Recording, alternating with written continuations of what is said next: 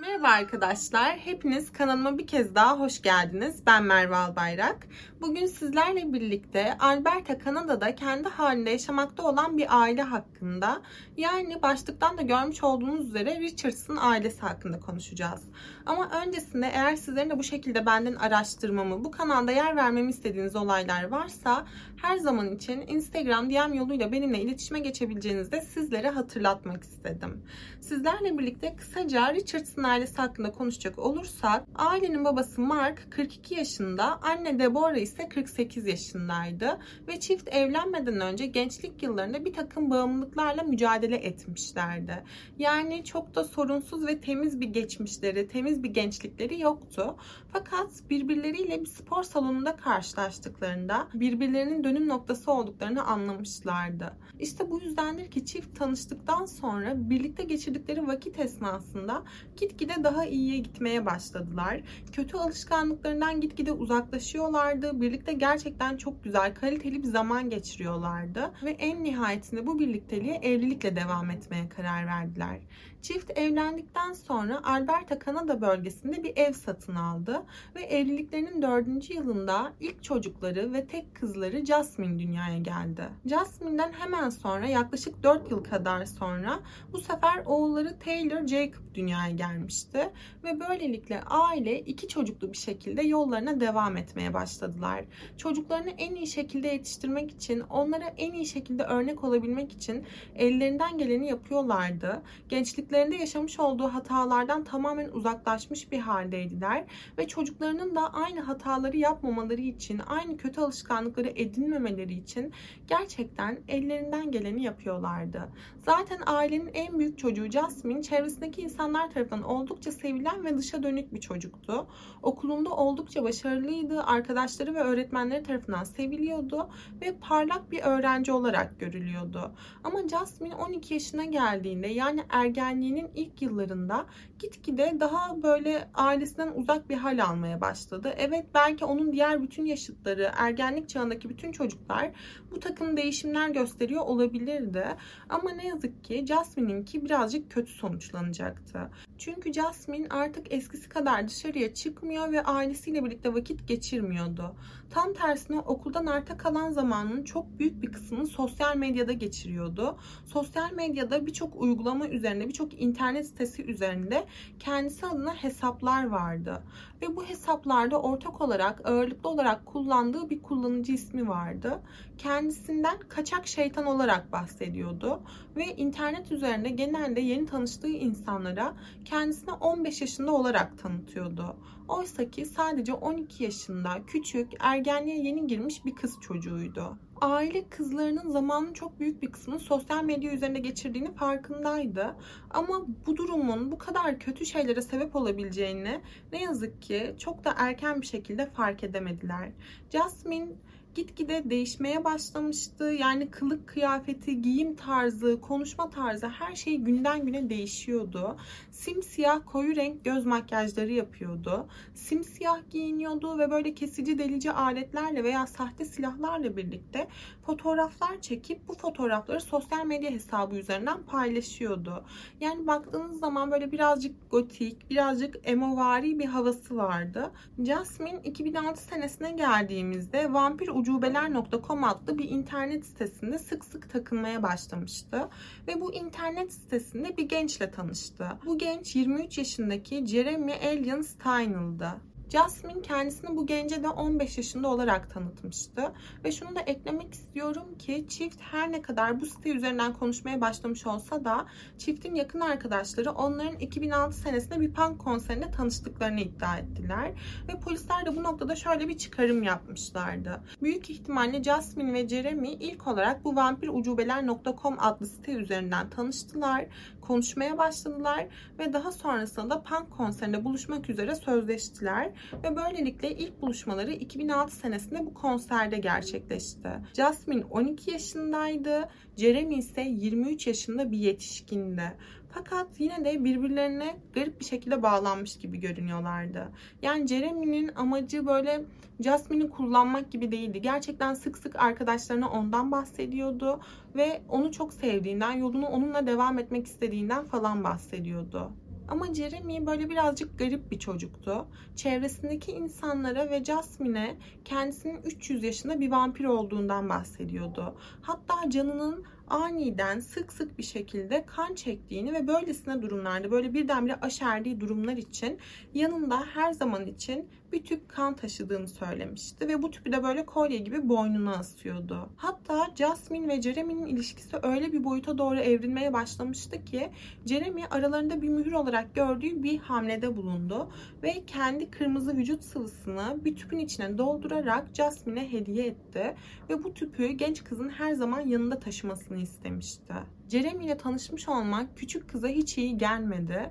Artık böyle daha farklı bir yere doğru evrilmeye başlamıştı. Her zamankinden daha saldırgan, her zamankinden daha başına buyruk bir haldeydi. Artık zamanın daha büyük bir kısmını internet üzerinde, sosyal medya üzerinde Jeremy ile mesajlaşarak geçiriyordu. Bu durum tabii ki çok kısa bir süre içerisinde Jasmine'in ailesinin dikkatini çekti ve aile kızlarının böylesine bir adamla görüştüğünü, böyle bir adamla takıldığını öğrendiğinde gerçekten şok oldular ve kızlarını bu durumdan engelleyebilmek için, onu geri çekebilmek için öncelikle onun elektronik aletlerine ve bilgisayarına el koydular. Yani bu şekilde Jasmine'i bu gençten uzaklaştırabileceklerini düşünüyorlardı. Ama ne yazık ki başarılı olamadılar. Çünkü elektronik aletlerine el konulmuş olması küçük kızı daha da böyle saldırgan bir hale getirdi. Ailesinden günden güne uzaklaşıyordu. Onlara karşı böyle kötü hisler beslemeye başlamıştı. Ve sık sık arkadaşlarına keşke ailem birdenbire ortadan yok olabilseydi tarzında söylemlerde bulunuyordu. Ama Jasmine'in bu dileği küçük kızın bile sandığından daha erken bir şekilde gerçekleşti. Çünkü 23 Nisan 2006 tarihine geldiğimizde Jasmine'in ailesiyle yaşadığı evde bir kasvet havası söz konusuydu. Evde hiçbir hareket yoktu, hiçbir ses yoktu ve bu durum çevredeki insanların dikkatini çekecek kadar yoğun bir haldeydi. Yani o gün her zamanki gibi sıradan bir hafta sonu yaşanıyordu. İnsanlar dışarıdaydılar, çocuklar dışarıda oyun oynuyorlardı. Fakat bu ailenin yaşadığı evin kapısı, pencereleri bile açılmamıştı. İşte bu yüzdendir ki bu durum oyun oynamakta olan çocuklardan birinin dikkatini çekti. Ve işte çocuk merakı ya, merakına yenik düşüp gidip ailenin kapısını çaldı. Tam olarak hangi amaçla o kapıyı çaldığını bilemiyoruz. Ama birkaç kere çaldıktan sonra ve içeriden hiçbir ses alamadıktan sonra evin etrafından dolandı ve evin bodrum katına bakan bir pencerenin önüne geçti. Bu pencereden içeriye doğru baktığında Bodrum katta yerde yatmakta olan bir insan silüeti gördü. Bu durumdan çok da emin olamamıştı ama bir şeylerin aşırı derecede ters gittiğini, aşırı derecede garip bir hal almaya başladığını fark etmişti ve doğrudan eve koşarak Bodrum katta gördüğü şeyleri annesine haber verdi. Bu çocuğun annesi ise hiç vakit kaybetmeden acil yardım hattını aradı ve bu eve yani Jasmine'in ailesiyle birlikte yaşadığı eve kontrol amaçlı bir ekip gönderilmesini talep etti. Polis ekipleri aynı gün içerisinde saat 13.00 sularında Richardson ailesinin evine geldiklerinde işte o korkunç manzarayla karşılaştılar. Polisler ilk başta tabii ki kapıyı çalmışlardı ama açan kimse olmayınca eve kendi imkanlarıyla girdiler. İlk katta her şey oldukça normal görünüyordu ama küçük çocuğun söylediği üzere bodrum kata indiklerinde ne yazık ki ailenin babası Mark ve annesi Deborah'nın cansız vücutlarını buldular. Çift kesici bir aletle vücutlarına defalarca kez derin darbeler almışlardı ve kendi kırmızı vücut sıvılarından oluşan küçük bir havuzun içerisinde tamamen hareketsiz bir şekilde yatmaktaydılar. Ailenin küçük oğlu 8 yaşındaki Taylor Jacob ise evin birinci katında yine anne babasıyla aynı kaderi paylaşmış bir şekilde kar reban içerisinde hareketsiz bir şekilde yatmaktaydı. Yani 4 kişilik Richardson ailesinden 3 kişi hayatını kaybetmişti. Polisler evi araştırdıklarında ailenin bir takım fotoğraflarına rastladılar. Bu fotoğraflarda hep 4 kişiydiler ve gördükleri üzere ailenin 2 tane çocuğu vardı. Yani biri kız, biri erkek olmak üzere 2 çocuğu vardı. Fakat ne yazık ki ailenin büyük kızı Jasmine ortalıklarda yoktu. Polisler tabii ki de ilk olarak Jasmine'in hayatı hakkında endişelenmeye başladılar. Yani belli ki birisi bu eve zorla girmişti. Aile üyelerinin tek tek canlarına kıymıştı. Ve Jasmine'i de yanlarına alarak kaçıp gitmişlerdi. Belki de Jasmine'i kaçırma amaçlı bu eve girmişlerdi. Yani küçük kızın akıbeti hakkında herkes oldukça endişeli bir haldeydi ve Jasmine'in bir yerlerden çıkmasını korku dolu bir şekilde bekliyorlardı. Polisler hızla evdeki elektronik aletleri incelemeye başladılar. Evin içerisinde herhangi bir delil bulmaya çalışıyorlardı. Ayrıca Jasmine'in arkadaşlarıyla, okuldan tanıdığı yakın çevresiyle iletişim haline geçtiler. İşte bu noktada Jasmine hakkındaki korkunç gerçekler de yavaş yavaş ortaya çıkmaya başlamıştı. İlk ortaya çıkan şeyler Jasmine'in internet sitesi üzerindeki bir takım paylaşımları ve sevgilisi Jeremy ile olan bir takım mesajlaşmalarıydı. Çift bu mesajlaşmalarda zaman zaman Jasmine'in ailesini ortadan kaldırmakla ilgili planlar yapıyordu. Hatta Jasmine bir keresinde sevgilisine onların hayatına son vermek ve sonsuza dek seninle yaşamakla alakalı bir takım planlarım var demişti. Ve bu internet sitesi üzerinde yapmış olduğu son paylaşımda ise trajik sonuma hoş geldiniz diyordu. Yani internet sitesi üzerinde trajik sonuma hoş geldiniz yazdıktan sonra bir daha hiçbir paylaşımda ve etkileşimde bulunmamıştı. Dahası polisler Jasmine'in okuluna gittiğinde ve onun yakın çevresini sorgulamaya başladıklarında Jasmine'in arkadaşları onun bir ilişkisi olduğundan haberdar olduklarını söylediler. Hatta Jasmine'in ailesi de bu durumdan haberdardı. Onu defalarca kez engellemeye çalışmışlardı. Öte yandan arkadaşları da onun bu ilişkisine tepki gösteriyorlardı. Ve Jeremy'nin hiç de güvenilir bir çocuk olmadığını söylüyorlardı. Ama Jasmine körü körüne bir şekilde Jeremy'ye inanmış bir haldeydi. Ve herkese karşı hem Jeremy'ye hem de ilişkisini sonuna dek savunuyordu. Ve şunu da eklemek istiyorum ki Jasmine'in okulundaki Jasmine'e ait dolap açıldığında genç kızın yapmış olduğu bazı çizimler ortaya çıkmıştı. Bu çizimler sanki bir planı detaylandırmak istercesine yapılmış gibi görünüyordu. Ve buradaki çöp adam tasvirleri bizzat genç kız tarafından isimlendirilmişti. Buradaki isimler Mark, Deborah, yani anne babasından bahsediyor. Küçük kardeşi Taylor ve Jeremy'den oluşuyordu ve bizzat sevgilisiyle birlikte ailesinin hayatına kıydığı planı kağıdın üzerine çizim olarak dökmüştü. Polisler anladılar ki Jasmine bu olayda bir kurban değildi tam tersine suçluya yardım etmişti. Hatta belki de onu teşvik etmiş bile olabilirdi. Bu yüzden de Richardson ailesinin hayatını kaybettiği medyaya servis edildi ve böylelikle akşam haberlerinde Richardson ailesinin korkunç sonu her yerde manşet olarak atılmaya başlandı. İşte bu manşetlerle birlikte yani ailenin hayatını kaybettiği haberleriyle birlikte polise Jeremy'nin yakın çevresinden bazı ihbarlar gelmeye başladı. Bu ihbarları yapanlar çiftin yakın arkadaşlarıydı ve çifti o gün yani ailenin hayatını kaybettiği gün gördüklerini iddia ediyorlardı. Ve polisler de çifti son gördükleri yeri bile paylaşmışlardı. Hatta Jeremy'nin arkadaşlarının iddialarına göre o gün yani ailenin hayatını kaybettiği gün sabaha karşı Jeremy evde oturmuştu ve 1994 yapımı olan Natural Born Killers adlı yani Doğuştan Katiller adlı bir filmi izlemekteydi. Ve bu film genç bir çiftin seri olarak insanların hayatlarına son verdiğini konu alıyordu. Hatta yanındaki arkadaşına dönerek filmi gördün mü? Jasmine'in ailesi hakkında da böyle bir planım var ama bu filmdekinden farklı olarak onun küçük kardeşi Taylor'ı da bu plana dahil etmek istiyorum demişti.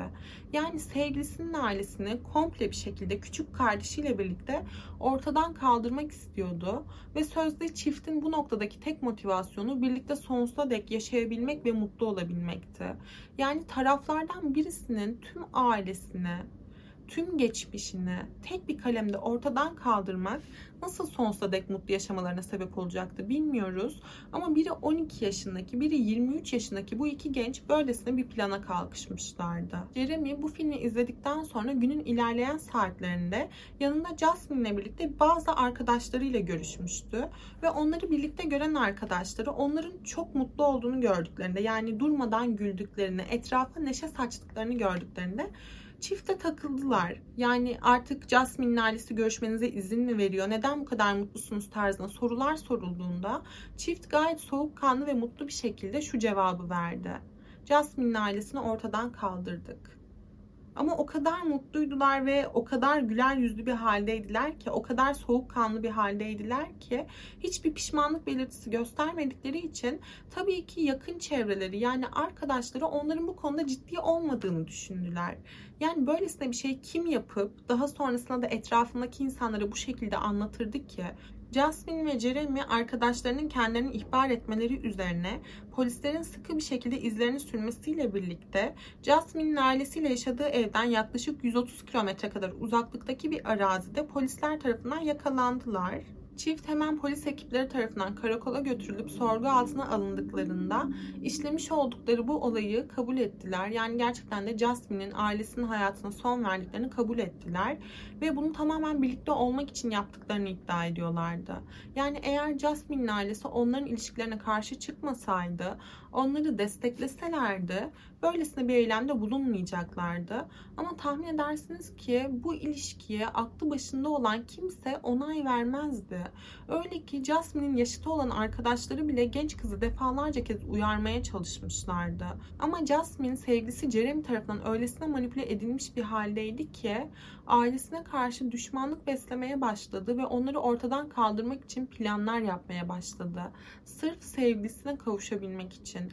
Ve o gün de sabah saatlerinde Jeremy'yi eve alan kendisiydi. Jeremy ile birlikte kendi öz ailesine saldırmıştı ve onların hayatına kardeşi de dahil olmak üzere son vermişti. Ve sonrasında Jeremy'nin yakın bir arkadaşı olan Casey Lancaster'ın kamyonetine bindiler ve evden bu şekilde uzaklaştılar.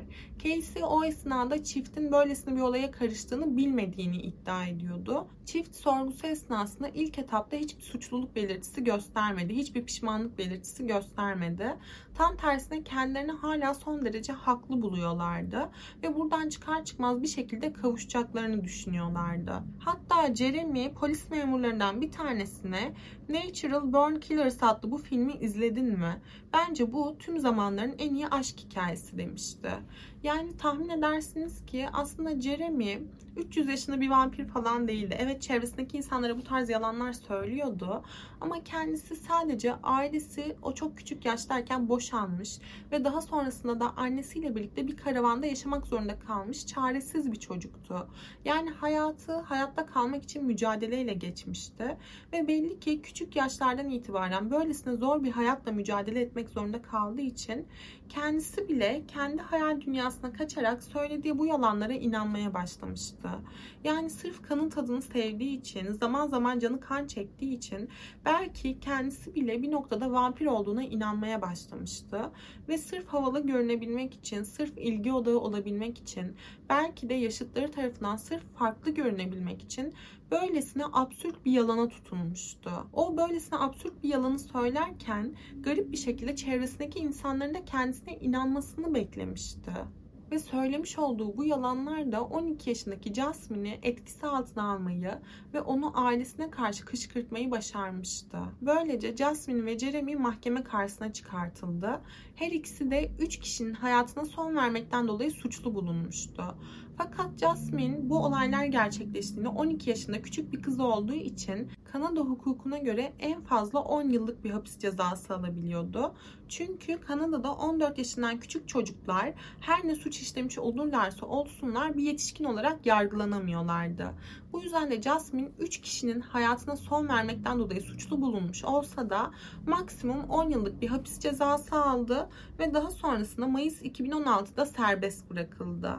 Jeremy ise 3 kişinin hayatına son vermekten ötürü 3 müebbet hapis cezasına çarptırılmıştı. Fakat iyi haline bağlı olarak 25 yıl sonra şartlı tahliyeyle serbest bırakılmasına karar verildi ve çiftin yakın arkadaşları, onlara yardım ve yataklıkta bulunan Casey ise sadece bir yıllık bir ev hapsi cezası almıştı. Ayrıca Jasmine Kanada'da yaşamakta olan birden fazla kişinin hayatına kıymış en genç suçlu olarak kayıtlara geçti. Üstelik hayatlarına kıydığı insanlar onun birinci dereceden akrabalarıydı anne babası ve kardeşiydi. Yani gerçekten bu olay çok çok garip bir olay. Bu olayı araştırırken ister istemez 12 yaşımdaki zamanlarımı düşündüm. Ergenlik çağımı düşündüm. Evet belki ailemle çatıştığım ve onların bana uymayan fikirleri vardı ve bazı noktalarda beni engellemeye çalıştıkları veya yönlendirmeye çalıştıkları zamanlar tabii ki oldu.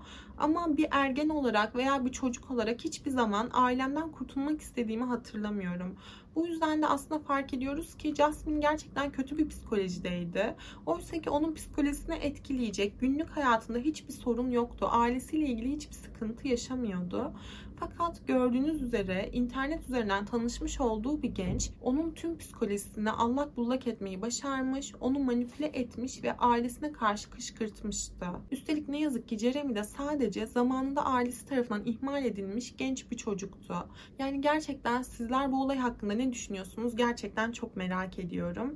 Eğer sizlerin bu videoya eklemek istediğiniz, bu videoda düzeltmek istediğiniz bir şeyler varsa, bir varsayımınız veya teoriniz varsa mutlaka yorumlarda bizlerle paylaşmayı ihmal etmeyin.